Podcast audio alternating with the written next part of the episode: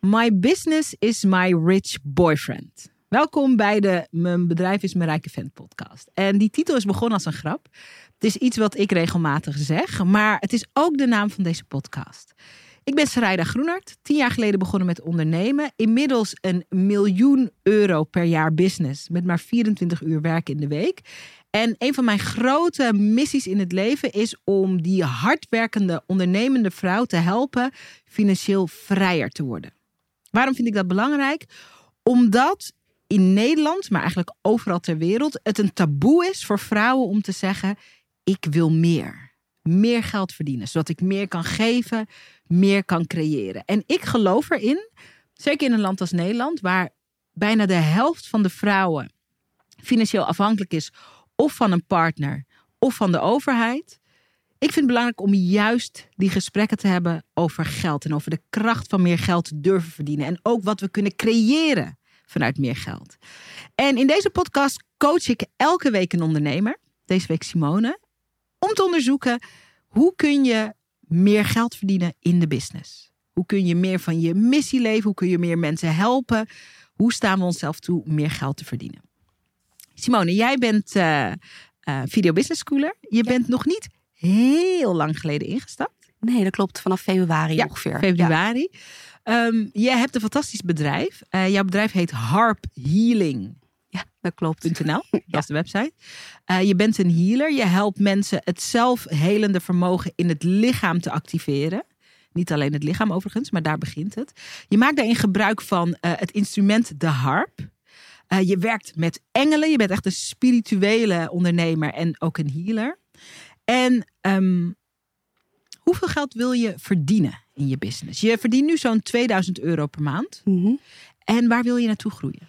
Nou, toch wel minimaal naar, naar 5000. Want zeker de helft ongeveer gaat weer terug naar de belasting. Ja. En ik vind gewoon dat ik als ondernemer uh, minimaal een ongeveer een modaal netto inkomen zou moeten kunnen verdienen met de inzet die ik in het bedrijf stop. Ja. En uh, ja, als het kan natuurlijk liever meer. Ja, ja, I love that. Er is een soort, er hangt vaak bij spirituele ondernemers een soort taboe rond uh, praten over geld, helder zijn over geld, uh, aangeven wat je wil verdienen, uh, aangeven dat het meer mag zijn. Jij hebt niet zo'n last van dat taboe. Nee, ik vind ik stop gewoon ook tijd en energie in mijn, in mijn werk. En ik doe het, het werk wat ik doe met heel veel liefde. En je ja. krijgt ook heel veel.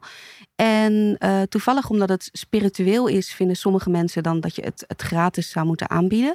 Maar ja, ik zeg dan ook wel eens, ik ben toevallig met een, een spirituele gave geboren. Als je met een gave bent geboren dat je heel goed kunt rekenen, word je accountant en dan word je daar ook voor betaald. Terwijl je het ook leuk vindt. Dus waarom zou ik dat niet als spirituele ondernemer mogen? En geld is ook energie. Ja, daar geloof ik ook in. In Video Business School hebben we daar ook veel over. Geld is energie. En vanuit uh, het geld dat je ook durft te ontvangen, kun je ook weer meer neerzetten. Hey, je gaat straks groeien, uh, ook naar aanleiding van deze coachsessie, met je inkomen. En op welke manier heb je daardoor ook weer meer te geven vanuit de business? Wat zijn de dingen die je wil ontwikkelen in de business? Uh, ik wil heel graag, uh, naast dat ik nu één op één sessies doe, ben ik onlangs begonnen met groepshealingen. Dus ik wil meer groepshealingen gaan doen. En daarnaast wil ik ook dan investeren in een, een online workshop. Dus eigenlijk wat zijn beschermengelen? Wie zijn ze? Dus dan wil ik ook echt de de, mijn onderneming uitbreiden met een stuk uh, eigenlijk educatie, wat mensen dan uh, online kunnen inkopen. Ja, en waarbij je dan ook een, een live dag met harp erbij krijgt. Ja, heel leuk. Heel, dat is de groei en de ontwikkeling die je daarin hebt, dat is ook precies wat past bij Video Business School. Hoe kun je datgene wat je te brengen hebt, uh, naar meer mensen brengen zonder dat je alleen maar harder gaat werken of meer gaat doen. Dus die duurzame manier van je ontwikkelen. Uh, je noemt het even tussen neus en lippen door. Je zegt, uh, ik kan mensen leren over de engelen. Um, even voor mensen die geen idee hebben. Je doet je healing. Je hebt daarbij, maak je gebruik van de harp. Maar wat is het werk wat je doet met de engelen? Waar zijn de engelen in het verhaal? Uh, de engelen zijn in het verhaal dat op het moment dat je bij mij binnenkomt voor een reading of een healing, -huh. Uh, dan stellen we ook de vraag aan de, aan de engelen. Ik geloof dat iedereen beschermengelen heeft. Mm. Iedereen heeft vanaf zijn geboorte minimaal één beschermengel bij je. En die beschermengel die kent jou dus door en door, want die is altijd bij je. En het woord zegt het eigenlijk al. Het is een beschermengel, dus hij beschermt jou. En zolang jij die beschermengel niet uitnodigt in je leven, dan gaat hij jou alleen beschermen in de hoognodige situaties. Maar engelen worden ook heel blij van als ze jou mogen helpen op je reis en je pad in dit leven. Dus als jij bij mij binnenkomt, dan gaan we met de beschermengel praten. En jouw beschermengel geeft dan informatie door aan mijn beschermengel. En dat geef ik dan in feite gewoon door. En tijdens de healing is het zo dat, eh, stel dat je een vraag hebt gesteld en uh, daar komt bijvoorbeeld uit, uh, je mag um, een stuk oud trauma loslaten of een, een oude relatie mag je loslaten, dan hoor ik via de engelen uh, welk muziekstuk bij jou past. Vaak ongeveer een uur voordat iemand binnenkomt, hoor ik al uh, paarsboek, geelboek. En dan pak ik dat boek. En op het moment dat iemand binnenkomt en we beginnen echt daadwerkelijk ook met het muziekstuk bij de healing, dan hoor ik bijvoorbeeld pagina 3 of ik sla het open en er wordt een bepaalde pagina warm. En, er wordt een bepaalde pagina warm. Ja. Fysiek warm. Ja, onder je vingertop. Ja, of, of ze noemen de naam van het stuk. En dan, dan, dan wordt het, het boek wordt ook heel warm, welk boek ik moet hebben. En uh, dan ga ik achter de harp zitten. En dan staat er aartsengel Sandafon staat dan achter me. Dat is de aartsengel die heelt met trilling en geluid. En dan hoor ik letterlijk, begin maar bij maat 5. En uh, speel maat 5 nu maar vertraagd. Nu harder, nu zachter. Ga nu maar naar maat 20. Speel die maar vijf keer. En begin, ga nu maar naar maat 1. En uh, speel dan 1 tot en met 10. En zo wordt er een heel op maat gemaakt muziekstuk gecreëerd. Waar een unieke trilling in zit voor die persoon die, waarvoor ik die healing geef. Waardoor die blokkades kunnen gaan stromen. En soms denk ik wel eens van, ja, ik ga toch niet voor de zevende keer maat 5 spelen. En dan doe ik het wel, want ik luister altijd naar ze. En dan precies bij de zevende keer begint de cliënt te huilen. Oh, ja. En dan, dan begint het. En juist op die momenten dat ik dan het doorkrijg en zelf wel eens twijfel en denk van nou ik doe het maar gewoon wat me wordt opgedragen. Dat zijn negen van de tien keer de momenten dat mijn cliënt uh, ook achteraf zegt, ja wat er toen gebeurde, ik snapte er helemaal niks van. Maar toen, toen voelde ik van alles in mijn systeem gebeuren. Ja, ja. ja. Oké, wat ik hier zo boeiend aan vind. En ik ben zelf ook iemand die, uh, ik klassificeer mezelf als iemand die ook heel spiritueel is. Um, als je het hebt over healing en klank, voor mij, dat, dat, dat, laat ik het zo zeggen, daar ben ik bekend mee. Um, sommige mensen zijn natuurlijk heel sceptisch. Er zullen ook mensen naar deze podcast kijken en luisteren die sceptisch zijn. Um, maar ik vind de, de gewoonheid waarmee je dit uitlegt, die vind ik heel interessant. En die amuseert me ook vanuit liefde. Omdat ik denk, Dankjewel. wat ik daar krachtig aan vind, is dat um, veel spiritu spirituele ondernemers en ook uh, spirituele ondernemers, bijvoorbeeld in Video Business School, um, zijn uh, soms ook bang om uh, te vertellen over, je vertelt in dit geval over je gaaf of hoe jij dingen hoort of voelt, helder voelend, daar hebben we allemaal woorden voor. Um, we komen natuurlijk ook uit jarenlang dat je dat soort dingen niet eens kon zeggen. Nu de laatste jaren staan mensen er wel wat meer voor open. Van hé, ik ben intuïtief of ik, ik voel dingen. Of nou ja, hebben allemaal taal opgeplakt. Voor jou klinkt het heel zelfsprekend, vanzelfsprekend. Ja, en toch was dat ook heel lang niet zo. Ik heb, uh, van me, ik, ik heb altijd al engelen en lichtwezens gezien. Als kind was ik ontzettend ziek. Ik heb op de derde dag van mijn leven heb ik een, uh, een hersenbloeding gehad. Mm. En daardoor was mijn hele link, linkerhelft was verlamd. En van je heb, lichaam? Ja, hele, en ik had hele zware epilepsie. Dus ik ben in mijn, uh, voordat ik twee jaar oud was, ben ik meerdere malen medisch doodverklaard en gereanimeerd. En ik denk dat deels omdat ik op die manier in dit leven eigenlijk meerdere malen contact heb gehad met uh, eigenlijk je lichaam verlaten en teruggaan waar je naartoe gaat, dat daar die engelen zijn ontstaan. Want zolang ik me kan herinneren, uh, zijn die engelen al bij me. Maar als kind wou ik op een gegeven moment gewoon uh, normaal zijn en heb ik het eigenlijk al die, ja, wat sommige, de ene noemt het paranormaal zijn, de ander noemt het verruimd bewustzijn, maar ik heb dat helemaal gesloten.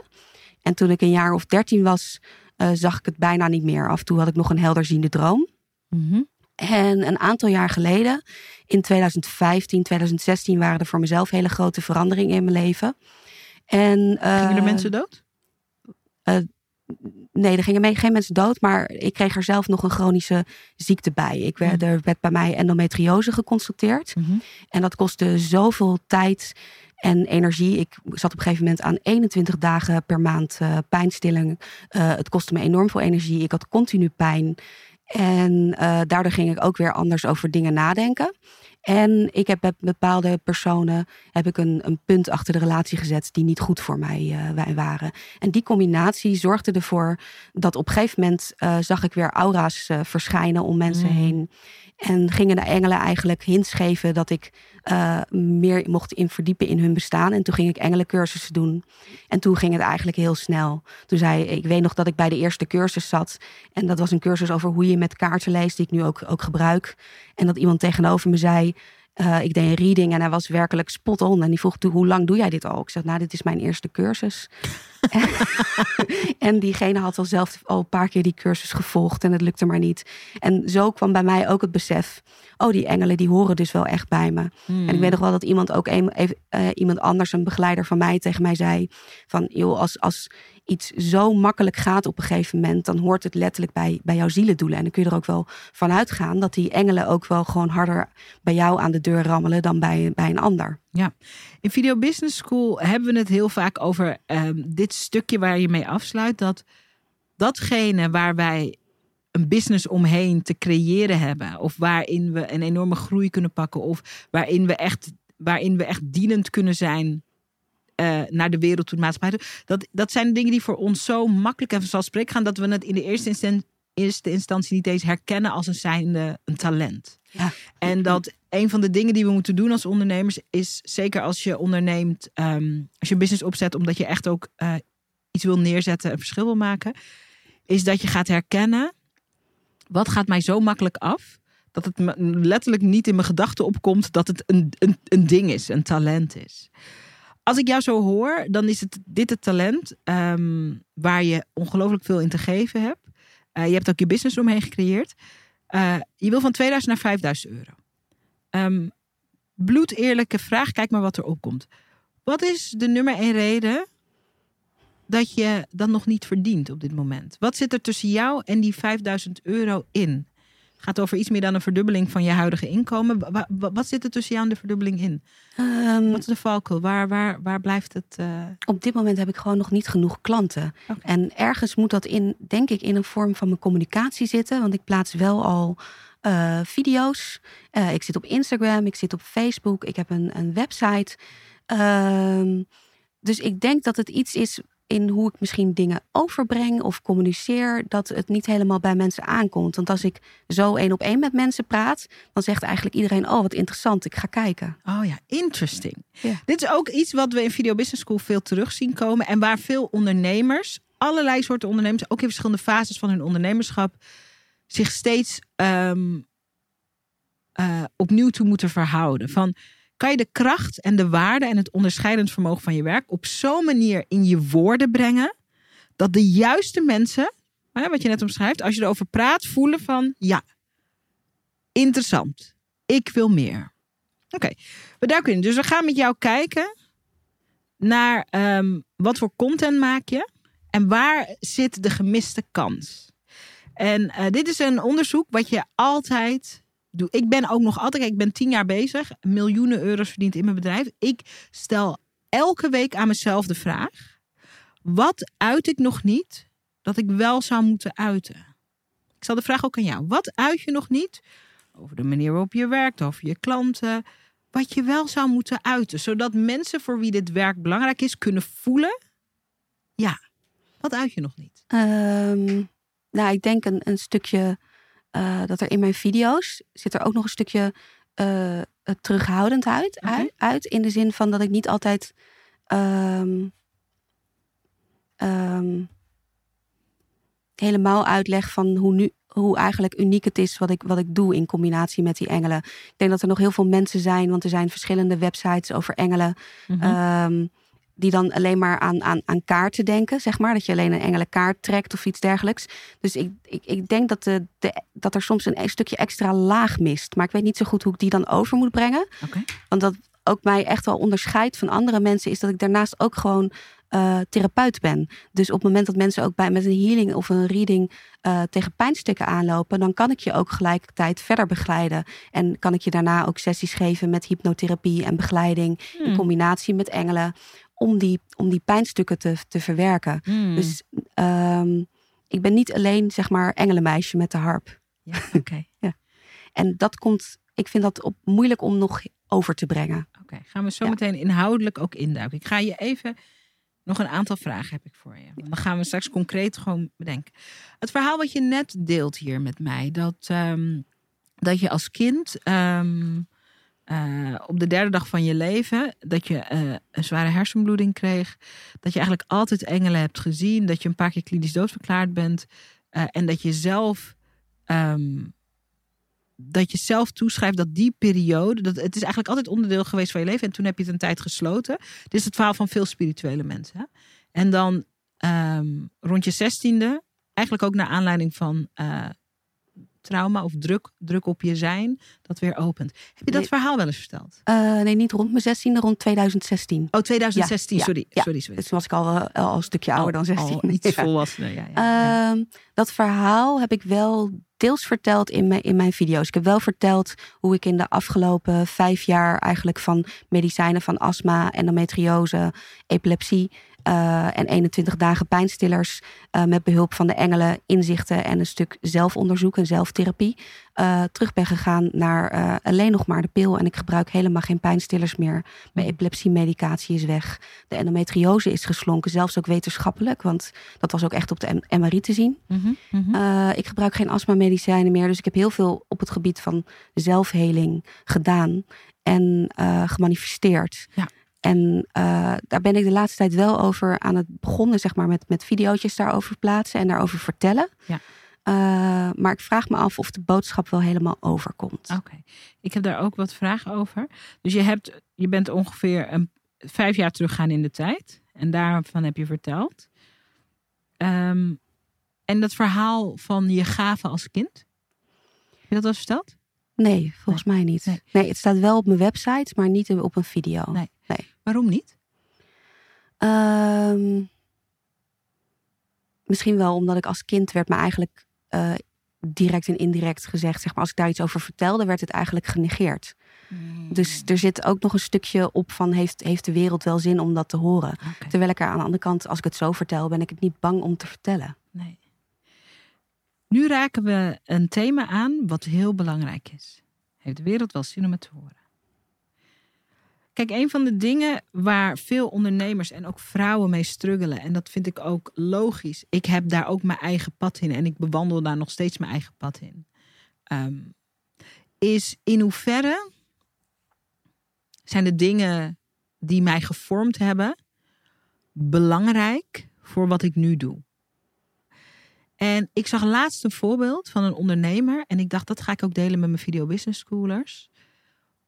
Omdat soms kunnen we het veel beter horen bij een ander. Ik zag laatst een video van een ontzettende leuke meid. Ik denk uit Brooklyn, New York of Harlem. Een van die buurten in New York. En uh, zij is uh, zo'n YouTube-chef. Ze kookt hartstikke lekkere gerechten. Um, volgens mij kookt ze ook vegan. Um, ze ziet er hartstikke leuk uit. En uh, ze heeft denk ik ook een kookboek. Maar ze, ze, maakt video's op YouTube en die worden best prima bekeken. YouTube-chef. Toen werd ze, ik, ging, ik dacht wel, leuke meid. Het raakte me niet direct, maar ik dacht wel, leuke meid. Toen zag ik één interview met haar. In het interview vertelde ze, uh, uh, ik ben als kind uit huis geplaatst. En ik... Um, heb een groot deel van mijn jeugd uh, doorgebracht in kindertehuizen. In dat, in dat systeem wat ze daar hebben, hebben wij hier ook in Nederland. En in zo'n kindertehuis uh, wordt er niet lekker gekookt. En als er wel lekker gekookt is, uh, moet je heel snel zijn. Want de oudste, meest sterke kinderen, die nemen het lekkers. Dus stel je voor dat daar lekkere kippenboutjes gebraden liggen als je dat lekker vindt. Dan zijn ze zo dan weg. zijn ze zo weg. Zij vertelde dat en de hele manier waarop ik naar die video's keek, veranderde. Kan je dat voorstellen? Dat als ik dat stukje, wat ogenschijnlijk niet zoveel te maken heeft met dat ze nu een kok is. Mhm. Als ik die context hoor, wat, als ik dat aan jou vertel. Ja, dan Wat, wat krijg je, wat, wat, wat, wat gebeurt er met je gevoel? geeft een heel ander soort verbinding met haar. En dat je gelijk snapt waarom ze nu zo graag zo lekker kookt. Precies. Het gaat erom dat we moeten snappen waarom dit voor jou belangrijk is. Onze zichtbaarheid, zoals we die eh, ook ehm, vormgeven in Video Business School, gaat over dat je mensen mag empoweren met je video's om te snappen waarom doe je dit? Waarom vind je het belangrijk? Waarom is het belangrijk voor de wereld? Waarom moeten we bij jou zijn? Dat simpele stukje. En de grap is, want zo werkt het brein. Hè? Ik heb nooit in een kinderthuis gezeten, dus ik weet niet hoe het eraan toe gaat in een kinderthuis. Als zij vertelt, je moest er snel bij zijn voor je vreten. Ik geloof dat direct. Ik weet niet of dat. Maar wat er gebeurt in mijn mind is, ik zie een film voor me als zij dat zegt. Nu, als ik haar lekker zeg, zo'n hartstikke leuk New York appartement. En met zo'n heel leuk keukentje. En ze staat daar en ze staat te zingen en te dansen. Nu zie ik iets anders. Eerst was ze gewoon ook een, zo'n YouTube-chef die gewoon lekker. Maar nu denk ik, oh, eindelijk. Haar eigen keuken. Onbewust, hè? Eindelijk de gerechten die ze lekker vindt. Oh, eindelijk. En wat mijn brein als het ware automatisch invult. Ik hou zelf ook van koken is. Koken is huiselijkheid. Koken is dit. Koken is familie. Dat, dat, automatisch. En als ik haar. Nu binge-watch ik al die video's. En eerst was ze een van de duizend YouTube-chefs. Ik krijg dat kleine stukje context. En ik ben verbonden met haar. Weet je wel? En het gaat er niet over dat het een, altijd een groot dramatisch verhaal moet zijn. Maar ik, ik heb een gevoel, ik snap waar het Mhm. voor haar over gaat. Nu terug naar jou. Je hebt een aantal, vind ik, belangrijke mooie dingen gedeeld. We gaan er een druppeltje, zoals we dat in Video Business School noemen. Hè, want het verhaal is altijd heel groot. We vertellen het verhaal in druppeltjes. Welk druppeltje gaan we eruit halen als we echt teruggaan naar je jeugd? En nou een deel van wat je hebt verteld. Wat moeten mensen nou echt snappen van jou? Kleine Simone, jonge Simone. Simone als baby, Simone als kind. Om te snappen waarom de engelen belangrijk zijn voor jou. Waarom muziek zo belangrijk is. Wat moeten we weten? Eh, dat deel van de engelen is eigenlijk mijn hele leven, of mijn hele jeugd is het genegeerd. De artsen waren vooral bezig met eh, mij fysiek beter maken. En ik heb het gevoel dat als zeg maar, die twee dingen toen al samen waren gegaan, dat ik dan al sneller was, was genezen. Dus er is een heel deel van mij, is er eigenlijk in mijn jeugd eh, genegeerd. En ik besefte ook wel, als ik er dan af en toe wat over zei, dan werd het genegeerd of mensen gaven een rare reactie. Dus ik was als kind al een uitzondering. En daar kwam eh, de werelden die ik eigenlijk kan, kan waarnemen, kwamen daar nog bij. En eh, ik kon ook bij mijn ouders, kon ik wel voelen tegelijkertijd dat ze daar heel veel moeite mee hadden als ik daar iets over zei. Dus ik heb het een paar keer voorzichtig aangegeven. En ik kan me ook wel voorstellen, als jij een kind hebt dat zo ziek is dat het continu in gevaar is om zeg maar weg te gaan, omdat het zo ziek is dat het bijna doodgaat. Dan kan me ook heel goed voorstellen dat je niet van je kind wil horen dat ze met andere werelden kan communiceren. Simpelweg omdat je dan denkt van ja, uh, misschien wil ze dan wel liever daar naartoe. En dat je bang bent om het kind kwijt te raken. Maar het is wel een deel dat altijd uh, genegeerd werd. En dat wel een heel groot onderdeel van mij is. De engelen zijn ook met, denk ik, de harp gekomen. Want ik weet nog dat mijn broer was zes en uh, ik was uh, vier en hij kreeg zijn eerste viool. En ik weet nog dat ik gezegd heb van... als ik een instrument mag kiezen, dan wil ik een harp. En de harp is ook echt voor mij de, de langstlopende grote liefde in mijn leven. Het is het instrument waar ik altijd weer op terug kan vallen. Waar ik me troost vond. Zachtheid uh, heeft me door heel veel moeilijke periodes ge geholpen. En ook toen ik, ik was op mijn negentiende heel erg depressief. En toen haalde ik eigenlijk hoop uit het feit dat ik ging, aan het sparen was voor een hele grote harp. Dus de harp heeft me ook door hele moeilijke dingen geholpen. En ik weet wat de klank van de muziek doet. Het, het heeft, is gewoon zo'n sereen, rustig geluid. Iedereen wordt er al, even los van de engelen, worden iedereen er al rustig van. Ja, ik zie en ik hoor twee dingen, drie eigenlijk, die heel belangrijk zijn. Um, ga ik je teruggeven. Het eerste wat ik zie is, ik zie een bepaalde emotie bij je. Waar gaat die emotie over? Uh, een stukje verdriet over wat er genegeerd is. Ja. Voor je video's en voor het belangrijke werk, en dit is moeilijk. Daarom doen weinig mensen het. Maar dat maakt ook het verschil. ik heb het niet over dat je janken in je video's. Ik hou helemaal niet van effectbejag. Helemaal niet. Maar het is belangrijk, en dan kom ik ook bij het tweede punt, dat dit verdriet er mag zijn. Op de achtergrond van de video. Ik heb het niet over oh, huilen, Ja. de video pakken. Die emotie, die gelaagdheid, die doorleefdheid, die mag er zijn. Tweede punt, en dat heeft daarmee te maken. Ik zit goed- je het goed te observeren. Eh, ik ben hier in dienst van jou en je mooie werk. Dat het het podium mag krijgen wat het verdient. Ehm, hoe, wat er nu gebeurt met verdriet is, eh, je bent heel slim. En je weet veel en je praat eroverheen. Over het verdriet. Dat zie ik. Technisch gezien, praktisch gezien is, het mag wat vertragen. Oké. Het mag van het wat vertragen. Dus hoe dat eruit ziet. En dan komen we bij het derde ding. Wat ik jou wil aanreiken is, je hebt heel veel te vertellen. Je hebt een triljard video's in je. Dat is goed nieuws. Want je gaat ons de rest van het leven en de rest van je business... ga je ons eh, wakker schudden op dingen met je video's. Ehm, wat het nodig heeft, is... eh, en dat is ook, heeft ook te maken met vertelstrategie.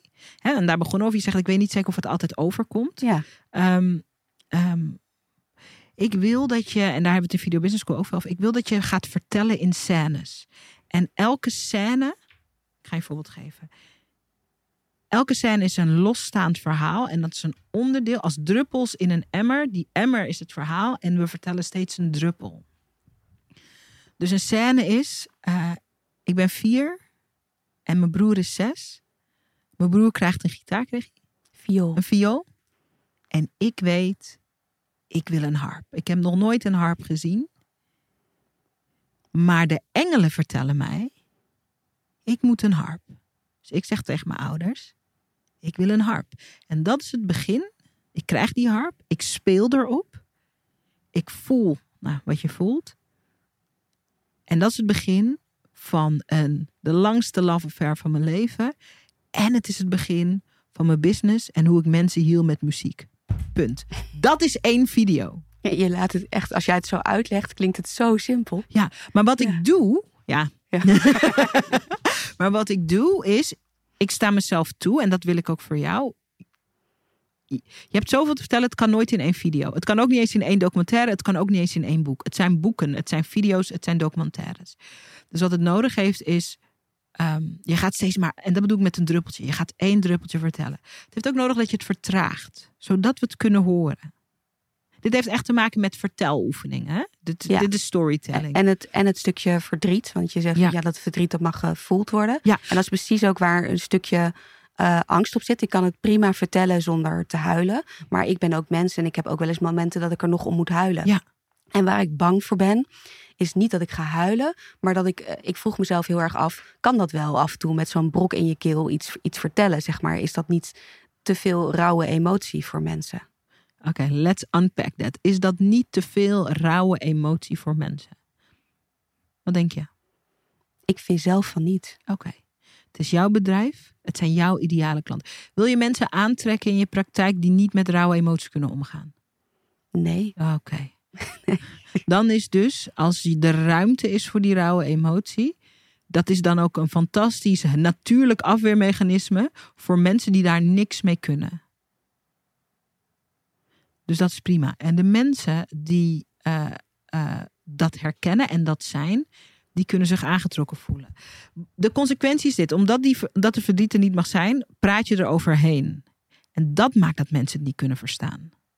Niet de inhoud, niet eens de woorden. Het tempo en de. Het, als, een, als, een, als, een, als een strandbal die onder, die onder water gedrukt moet worden. Ja, En, dat, het. ja, en dat is, daar zit je kracht niet. Je hebt er superveel te geven. Als het rustiger mag, dan trilt alle. De, kijk, die emotie, dat is ook die gelaagdheid. Dat is ook die levenservaring. Het is ook de. de zwaard is niet het juiste woord, maar de, de, de, ehm, De lading die de bij lading hoort. die erbij Ja. hoort. Zonder dat is het zeg maar alleen maar informatie. En informatie kunnen we toch niet op die manier opnemen. We moeten het toch voelen. We moeten het toch voelen. En nu gaat het over, en dat is de uitnodiging. Jouw ideale doelgroep. De mensen voor wie jouw werk belangrijk is. Je, je kent ze wel en je kent een groot deel nog niet, want ze gaan allemaal naar je toe komen. Je, de uitnodiging is om die mensen te vertrouwen. Ik had laatst, uh, kijk, ik praat wel eens over mijn seksueel geweldverleden. Dat is een super genuanceerd iets. De dader is een oom van mij. Uh, dat was altijd, ik hield van die oom. En toen uh, werden we dader en slachtoffer. Dat had een enorm effect op de, op de familiestructuur. Het, het is heel gelaagd. Um, soms als ik vertel, en dat doe ik echt vanuit mijn hart. Uh, ik praat nooit lelijk. Dit klinkt heel. Ik, ik, ik, ik, uh, ik cancel niemand. Ik shame niemand. Ik vertel gewoon: dit is wat ik. Dit is wat er gebeurt en dit is wat ik daarvan heb geleerd. En dit is wat het effect is geweest op de familiestructuur. Um, ik weet wat mijn intentie is. Ik ben er niet om mensen te shamen om te cancelen. Als ik mijn verhaal vertel, en dat doe ik met intentie, de mensen die dat moeten verstaan, zeggen: hey, wacht even. Maar er zijn ook mensen die onder mijn video's zeggen: Oh, wat een victim ben jij toch altijd? Ik moet daar ook een beetje om lachen. En denk: Oh ja, nee, jij verstaat mij niet. Prima. Prima. Ik vertrouw de mensen die het moeten verstaan. En de rest, die moeten maar mee doen wat ze er wel of niet mee doen. Ik ga daar niet op reageren. Uh, ik vind het prima. Als dat, want ik snap dat iemand die daar op een rare manier op reageert, dat is iemand die ook in conflict is met de donkere gedeeltes uit zijn of haar eigen leven. Dus dan is het heel irritant als iemand met rust daarover praat. Dat, dat triggert ja, iemand. Dat, dat raakt je eigen pijnstukje ja. dan. Dus daarom dat, reageren. Ja, en dat laat ik lekker. En als je dan bij mij eronder zet, wat een victim. En je zit altijd zo zielig. Toen moet ik echt wel lachen en denk, oké, okay, nou ja, goed, prima. Succes met je leven en alles, weet je wel? Zeg meer over zijn pijn ja, dan over jou. Ja, ja, prima. Daar doe ik niks mee. Dus voor jou ook, er is een hele grote groep mensen die jou kan en wil verstaan die dezelfde kernwaarden heeft, die ook jouw hulp nodig heeft. Um, en voor hen mogen we in de vertraging. En mag het echt zijn wat het is. Kijk, je zei eerder, en dat vind ik zo mooi aan, aan ondernemerschap. En mijn vader zei altijd: uh, uh, het verhaal kiest jou. Dus jij, wij denken wij kiezen het verhaal, maar het verhaal kiest ons. Het bedrijf kiest ons. De gave kiest jou. Je zegt: um, toen je zo jong was, werd die kant van jou altijd genegeerd. Kijk, nu ben je volwassen, nu mag je dit verhaal brengen. En nu is het belangrijk dat jij jezelf niet negeert in het verhaal als je het vertelt. Niet je emotie. Niet uh, wat er allemaal mee wil komen en wat er mee wil trillen. En het heeft echt te maken met storytelling. Dus ik wil dat we een. En daar ga ik je even structuur voor aanreiken. Hoe ga je nou zo'n video maken? Ik wil allereerst dat je, als je, dat je begint met een scène, een moment te kiezen. Je gaat altijd een moment beschrijven. Dus niet het verhaal, Mhm. een moment. Dus het begint altijd met een moment. Dat moment ga je heel rustig in de tegenwoordige tijd vertellen. Tegenwoordige tijd. Waarom? Omdat dan, als je dat doet, dan kunnen mensen meevoelen alsof ze erbij zijn. Um, het is ook belangrijk, en dit is heel moeilijk, dat het um, een niet compleet, of eigenlijk een onaf, dit vinden mensen moeilijk. Het is een onaf verhaal wat je vertelt. Want je vertelt een scène uit het verhaal. En de sleutel is, dus je vertelt de scène, en dan is de sleutel de zin waarom ik je dit vertel, is en dan ga je de link maken naar je business. Of dan ga je de link maken naar je aanbod. Dus kies een scène, dan puzzelen we hem samen in elkaar. Wat is een moment, als ik aan jou vraag, wat is een moment wat belangrijk was uh, in je leven, wat jou heeft gevormd en waardoor je nu kan doen wat je doet? Een moment. Um, ja, de, de, de, uh, de dag dat ik mijn eerste harp uitzocht. Oké, okay, super. Oké. Okay. Doe even je ogen dicht. Kijk even of je terug kan gaan naar het gevoel en dat moment. Oké. Okay. Je was zes, hè? Nee, ik was negen toen ik mijn eerste harp kreeg. Oh, negen toen je ja, Ik was zes toen ik, of uh, ik was vier toen ik wist dat ik harp wou spelen. Oh ja. ja. En ik moest langer wachten, omdat mijn motoriek nog niet goed was door mijn medische geschiedenis. Oké. En ik ben, uh, het is, uh, ik ben negen en drie maanden. Ja. En ik ga eindelijk naar, uh, naar Bennebroek, want daar was toen een van de grootste harpwinkels in Nederland. Ja, oké, ik ga je bijvallen. Ik ga je regisseren. Less is more. Ik ben negen jaar en drie maanden oud. En ik ga eindelijk naar de grootste harpwinkel van Nederland. Als dat je openingszin is, ik weet niet wat je gaat vertellen, maar ik hang aan je lippen. Dus blijf weg, en dit is oefenen, blijf weg van te veel detail en vertel het met intentie. Dus oké. Ik ben negen en drie maanden oud. En ik mag eindelijk, nadat ik zoveel jaar heb gewacht, mag ik eindelijk mijn eerste harp gaan uitzoeken. Punt. Rust, stilte. Ik ben negen jaar en drie maanden oud. En eindelijk is het moment daar. Ik mag mijn eerste harp uitzoeken. Punt. Dit kan je gewoon schrijven hè, en oefenen. Oké, heel goed. Volgende zin. Uh, daar aangekomen in Bennebroek, waar de grootste harpwinkel toen van Nederland zat. Oké. Dichtbij. In de ik-vorm. Je, je vertelt het zoals we het door jouw ogen zien. Het liefst zelfs nog als hoe het was van een klein meisje. Dus je neemt ons mee. In plaats van dat je ons uitlegt, neem je ons mee. Dus ik kom aan. Ik, dit gaat ook over simpele Ik kom aan in de grootste harpwinkel van Nederland. Overal harpen. Dat is, dat is bring it. Dat is hoe je het brengt. Ik kom aan en ik kijk eerst uh, door, door de ruit van de harpwinkel. En daar zie ik overal harpen staan. Ja. En dan mag ik naar binnen. Punt. Heel goed. Dit, wordt, dit, dit is. En en blijf weg. Dit is even storytelling. Blijf weg van en en daar. En ik kom aan. Kijk door de ruit. Dat is ook wat ik bedoelde met het. Het moet een niet compleet verhaal zijn. Als zijn het flarden van een zin. Als wij het maar kunnen invullen. Ik kom daar aan. Ik sta voor het raam. Grootste winkel. Dit zijn halfzinnen. Maar iedereen is right there. Oké, nu gaan we al naar de climax. We hebben nu twee zinnen. We, gaan, we, we hebben nog drie zinnen ongeveer. We gaan naar de climax terwijl ik in de winkel sta. Ik sta in de winkel. Ik sta in de winkel. En uh, ik voel me zo euforisch. Ik, voel, me, me, eindelijk helemaal thuis. Ja.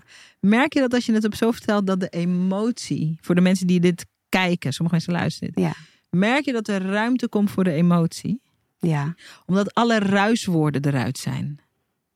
En met ruiswoorden bedoel ik het terwijl, de, dat is allemaal, ik, even kijken wat jij, dat is dat is allemaal uitlegwoorden. Terwijl als we in de eenvoud gaan, bijna van hoe een kind het zou vertellen. Toevallig is dit ook een scène uit je jeugd. Maar ook als volwassene kan ik het. Ik sta op het schoolplein.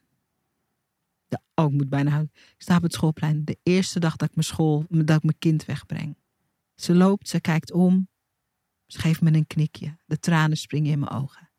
Wat gaat het tijd snel? Dat is ook zo'n soort scène de eenvoud, en dat is iets wat we weer terug moeten claimen in onze storytelling. De eenvoud maakt dat er ruimte is voor die emotie. Terwijl als ik zit te vertellen, ja, ik, nou, ik ga dus, ik loop met mijn dochter naar school en, en we wonen vijf meter van, dan, dan dan vertel je hier. Ja, vertel ik het met mijn hoofd. En, en, de boodschap die het eigenlijk hier zit, ja. die komt niet over. Nee, dat nee. is wat je bedoelt. Het is zelf, die ruistaal en vaagtaal voor iedereen die er is zelfbescherming. Om niet te voelen wat je nu voelt. Oké, we gaan, maak je scène af. En je voelt je euforisch. Ik probeer een aantal harpen. En dan weet ik het. Dit is mijn harp. Mm. De, het gevoel van de snaren. De, uh, hoe die klinkt. Uh, mijn moeder vraagt nog: uh, Wil je niet die andere harp? Want die vindt ze er stiekem mooier uitzien. Maar ik weet het zeker. Dit is mijn harp. Punt. Dit is de scène. En waarom ik je dit vertel. En nu maak je een simpele link naar het bedrijf. Ik ben Simone van harphealing.nl. En ik help mensen het zelf, uh, het zelfhelend vermogen van het lichaam te activeren met muziek. En daar heb ik een hele eigen methodiek in. Ga naar mijn website. Dit is de video. Let op hoeveel je niet vertelt. Maar voor onze, voor onze hersenen van de aanhoorder. Wij staan ook. Ik ben nog nooit van mijn leven in een harpenwinkel geweest. Ik sta ook in die harpenwinkel. Dit is hoe wij ondernemers en hoe we in video business, dit is hoe we storytellen. Dit is als we het in video business school hebben over je hart laten spreken, dit is wat we bedoelen. En dan heb je heel veel uh, ruisdingen niet nodig. Want de kracht van een video zoals deze, en zo kan je er tien maken um, en honderd, is dat je mensen uitnodigt in je wereld. Dat doe je met je hart. Dus En daarvoor zijn simpele woorden nodig. In de ik-vorm, eenvoudig, vaak in de, in de tegenwoordige tijd, dat werkt het beste. Uh, en dan de verbindende zin waarom ik je dit vertel. En dan kun je bij ons de connectie maken. Zal ik hem afmaken nu? Of, ja. ja? Uh, waarom ik je dit vertel? Uh, dat unieke gevoel van zachtheid breng ik nu in mijn eigen praktijk harp healing samen met mijn harp in een sound healing aan jou via een unieke methode. Simpeler. Hm. Dit is het hoofd. Dit is het hoofd. Het is oké. Okay. Ik ben hier. Simpeler. Wat is de simpelste manier om te vertellen wat je voor iemand kan betekenen?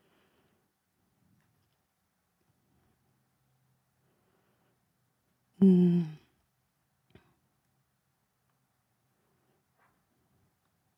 Waar wil je dat ze naartoe komen? Ze noemen dat een call to action. Waar, wat wil je dat mensen naar aanleiding van die video doen?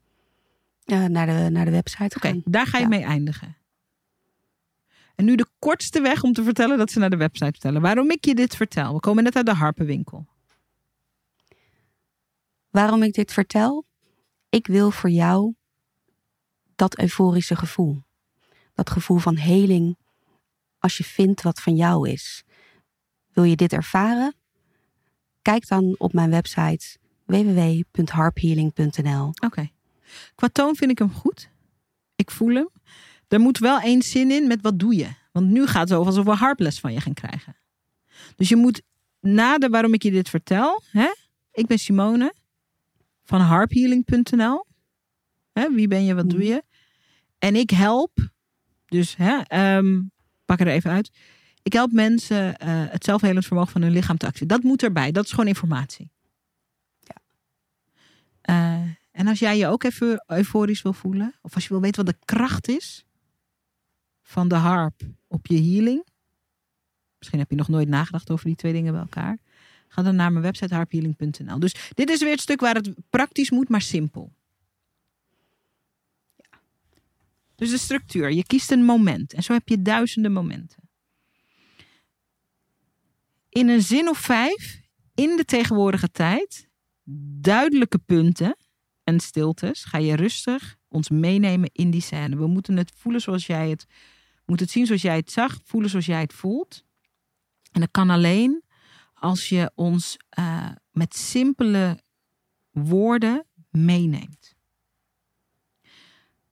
Het is altijd een niet compleet verhaal wat je vertelt. Dus de neiging van het brein om het te vullen met details, dat, dat, is, dat is echt iets, maar dat oefen je. Ja, die, die laatste vind ik echt heel Ja. moeilijk. Ja. I know. Mijn We hebben, staat regelmatig ja, aan. Ja, we hebben natuurlijk geleerd op school dat je alleen je hand mag opsteken als je het juiste antwoord weet. Je moet het volledig kunnen, je moet alles kunnen verklaren. En voor storytelling gaan we eigenlijk weer terug, veel meer naar de essentie. Zoals wij dat doen in Video Business School. En je gaat, want je vertelt een flart van het verhaal. Maar that's all you need, baby. Dan komt de koppelzin waarom ik je dit vertel. Dan vertel je eh, wie je bent en wat je doet. Of welke oplossing je biedt. En dan de call to action, een uitnodiging. Kom naar mijn website. We doen er nog eentje. Volgens mij lopen we een beetje uit met deze podcast, maar prima. Ander moment, dan puzzelen we het in elkaar. En dan is dat de afsluiter. Mag ik een moment kiezen? Ja. Voor jou? Het moment dat je erachter komt, en echt het moment, niet het verhaal, dat je endometriose niet meer te traceren is op de scan. Waar ben je? Bij, de, ehm, bij de gynaecoloog. Ik ben bij de gynaecoloog. Zo kan je Ja. beginnen. Ik ben bij de gynaecoloog. Ik ben ongeveer zeven jaar verder. Niet, nee, nee, nee, nee. In de scène. Ik ben bij de gynaecoloog. Ik denk dat je wil zeggen een plek waar ik al zeven jaar kom. Ik ben bij de gynaecoloog. Een plek waar ik al de afgelopen zes jaar kom. En dan krijg ik eindelijk, Ik krijg, niet en dan, ik krijg eindelijk. ik krijg uitslag van de MRI. Hmm, En eh, wat ik zo lang al voel, krijg ik wetenschappelijk korter, bevestigd. korter. Wat ik voelde en, en Je wat, bent Janneke Taal, ja. Wat ik zelf voelde dat het weg was, krijg ik eindelijk bevestigd. ja. Ik help je mee. Ik krijg de uitslag van de MRI. Wat ik al die tijd wist, staat daar nu eindelijk. Ik krijg de uitslag van de MRI. Wat ik al die tijd wist, en voelde, krijg ik eindelijk bevestigd van de arts. Bam, dit is hem. De endometriose is zo geslonken dat ze hem niet meer terug konden vinden. En ik heb mijn baarmoeder nog en mijn darmen die ze daaruit wilden halen. punt. Dit is de scène. En waarom ik je dit vertel? En waarom ik je dit vertel, eh, dit was alleen mogelijk omdat ik zelf, Waarom ik je dit vertel? Ik ben Simone van Harp Healing. waarom ik je dit vertel. Ik ben Simone van Harp Healing en ik help je graag jouw zelfhelend vermogen te activeren samen met mijn engelen en mijn harp. Wil je hier meer over weten? Kijk dan op harphealing.nl. Dit is een video. Dit is een video. Voel je hem? Ja. Voel je hem? Ja, ik voel het verschil. Ja, ze zijn heel anders dan wat ik tot nu toe heb opgenomen. Ja, ik snap het. Dit is het proces waar we allemaal doorheen moeten in Video Business School. Ik zit nu in de elf stappen naar zelfhealing. Dus dan eh, elke week, elke eh, twee, drie dagen post ik een stukje van één stap, zeg maar. En dan leg ik uit wat je ervoor zou, zou moeten doen. Maar dit is op een heel andere laag, zeg maar. Mensen je binnen. Ja. Wat we willen met onze video's en onze zichtbaarheid. En voor elke business moet je kijken hoe kan dat voor mij werken. Maar het kan voor elke business. We willen die ongelofelijke ruis die er in mensen hun hoofden rondwaart de hele dag. We want to bypass that. En we willen binnenkomen in het hart van de juiste mensen. Dat ze kunnen voelen. hey, dit is interessant. Hier wil ik meer van weten. Dat is all we need. Dus we hoeven niet meteen onze hele webshop leeg te kopen of whatever. Daar gaat het niet om. Of duizend consults bij je afnemen. Ehm, Zo'n video gaat over iemand uitnodigen in je wereld. En dat kan alleen van hart tot hart. En wat jij, wat ik jou als ehm, tool wil meegeven.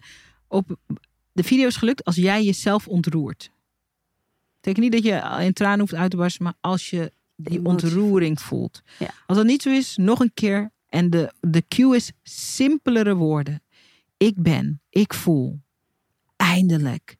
Dat, snap je? Simpel. Ja. Wat neem je mee uit deze sessie? Ehm, ja, dat het, dat het dus simpeler en nog veel dichter bij mezelf mag. Ja. En eh, dat de, de ratio, zeg maar, die ik overal meebreng en vaak ook. eh, En die waar- ook je kracht is. waarmee ik ook goed dingen uit kan leggen. ehm, dat dat niet is wat, wat eh, mij met de ander verbindt. Hmm, een inzicht. Ja, dus dat het mag komen juist vanuit dat deel kwetsbaarheid. Ja. En, dat is en- wat ze bedoelen met kwetsbaarheid. Niet dat je je zielige verhalen eh, uitbraakt over het internet. Maar dat je ehm, het verhaal ehm, zo bloot vertelt dat het je ontroert. Dat je die ontroering kan voelen. en dat het veilig is om die ontroering gewoon in je video te zetten. Dat is juist wat de juiste mensen van je nodig hebben. Zeker in het soort werk wat je doet. In sommige branches kan het, is het, luistert het minder nauw, laat ik het zo zeggen. Ehm, maar voor jouw werk is het heel belangrijk. Ja, want als ik met een cliënt zit, is dat eigenlijk wat ik doe. Ik verbind me eerst en daarna ga ik werken. Dus waarom zou ik het ook niet in mijn video doen? Kijk. High five, baby. Simone, als mensen jou en je werk willen gaan volgen, omdat ze nieuwsgierig zijn, omdat ze natuurlijk, natuurlijk nu twee fantastische scènes van je hebben gehoord. Waar kunnen we je vinden? Op uh, www.harphealing.nl, op Instagram en op Facebook. En, uh, Ook Harp Healing, allebei op Instagram en op Facebook? allebei op Harp Healing. En er komt binnenkort ook nog TikTok en YouTube bij. Fantastisch. Wat een feest dat je hier was. Wat fijn dat ik met je mocht meedenken. Intense coachsessies zoals dat gaat. Ook in de Video Business School calls. Dank voor je openheid en je bereidwilligheid om te zoeken en te vinden. Dank je wel voor je inzichten. Mooi. En als je denkt, oké, ik wil ook een keer gecoacht worden door die gekke Surinaamse businessmama, zo noemen ze me. Dat gek heb ik er zelf bij bedacht. Surinaamse businessmama, zo noemen ze me wel. Eh, en ik zou wel meer willen weten over Video Business School. Ehm, stuur mij even een DM via Instagram, Zaraida Groenart, of stuur even een mailtje naar team.zaraida.nl. En dan kunnen we in elk geval met je in gesprek om te kijken van... eh, eh, kunnen we je verder helpen? Kunnen we je helpen je businessdromen en je financiële vrijheid eh, wakker te kussen en tot leven te brengen? Dat vind ik namelijk heel leuk. Dank voor het kijken en tot een volgende aflevering van My Business is My Rich Boyfriend.